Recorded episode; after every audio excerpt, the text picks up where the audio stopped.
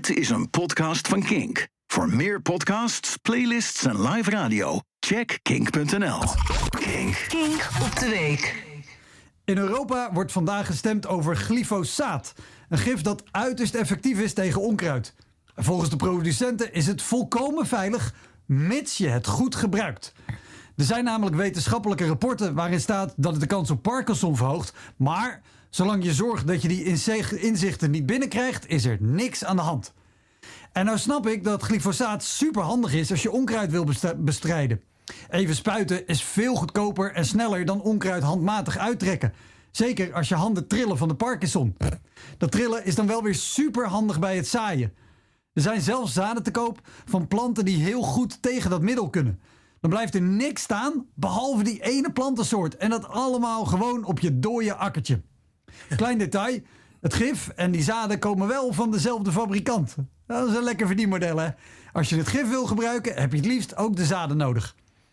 Die genetisch gemodificeerde zaden zijn in Nederland niet toegestaan, maar er wordt ongetwijfeld hard gelobbyd om het voor elkaar te krijgen. En is dat lobbywerk saai? Nee hoor, niet als je het lobbydrankspel speelt. Als de fabrikant begint over voedselveiligheid, drinken. De wereld voeden, drinken.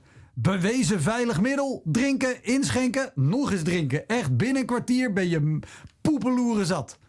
En bij Parkinson denken we meestal alleen aan trillen. Net zoals die collega die op vrijdag na de lunch al begint te trillen als het nog wel even duurt voor de Vrijmibo begint. Mhm.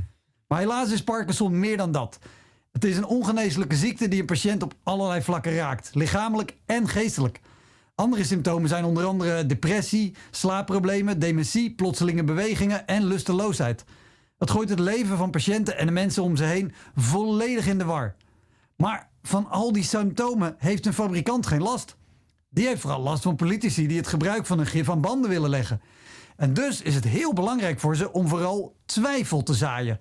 Bestaande onderzoeken tegenspreken en zelf nieuwe onderzoeken laten doen. Die wonderbaarlijk genoeg altijd positief uitvallen. Alsof je een vreemdganger vraagt of hij zelf vindt dat hij iets belastends in zijn WhatsApp heeft staan. Nee joh, natuurlijk niet. Dat zijn gewoon foto's van Gelderse worst. en ook in een taal zaaien fabrikanten twijfel. Zo spreken ze zelf nooit van gif of herbicide, maar noemen ze het een gewasbeschermingsmiddel. Ja, zo kon ik het ook. Dan is alcohol een verlegenheidsbeschermingsmiddel. De Tweede Kamer heeft landbouwminister Adema gevraagd om tegen te stemmen. Adema weigert dat, want volgens hem is er geen bewijs dat het schadelijk is. En Adema is typisch iemand van de ChristenUnie. Eerst bewijs zien, dan pas geloven.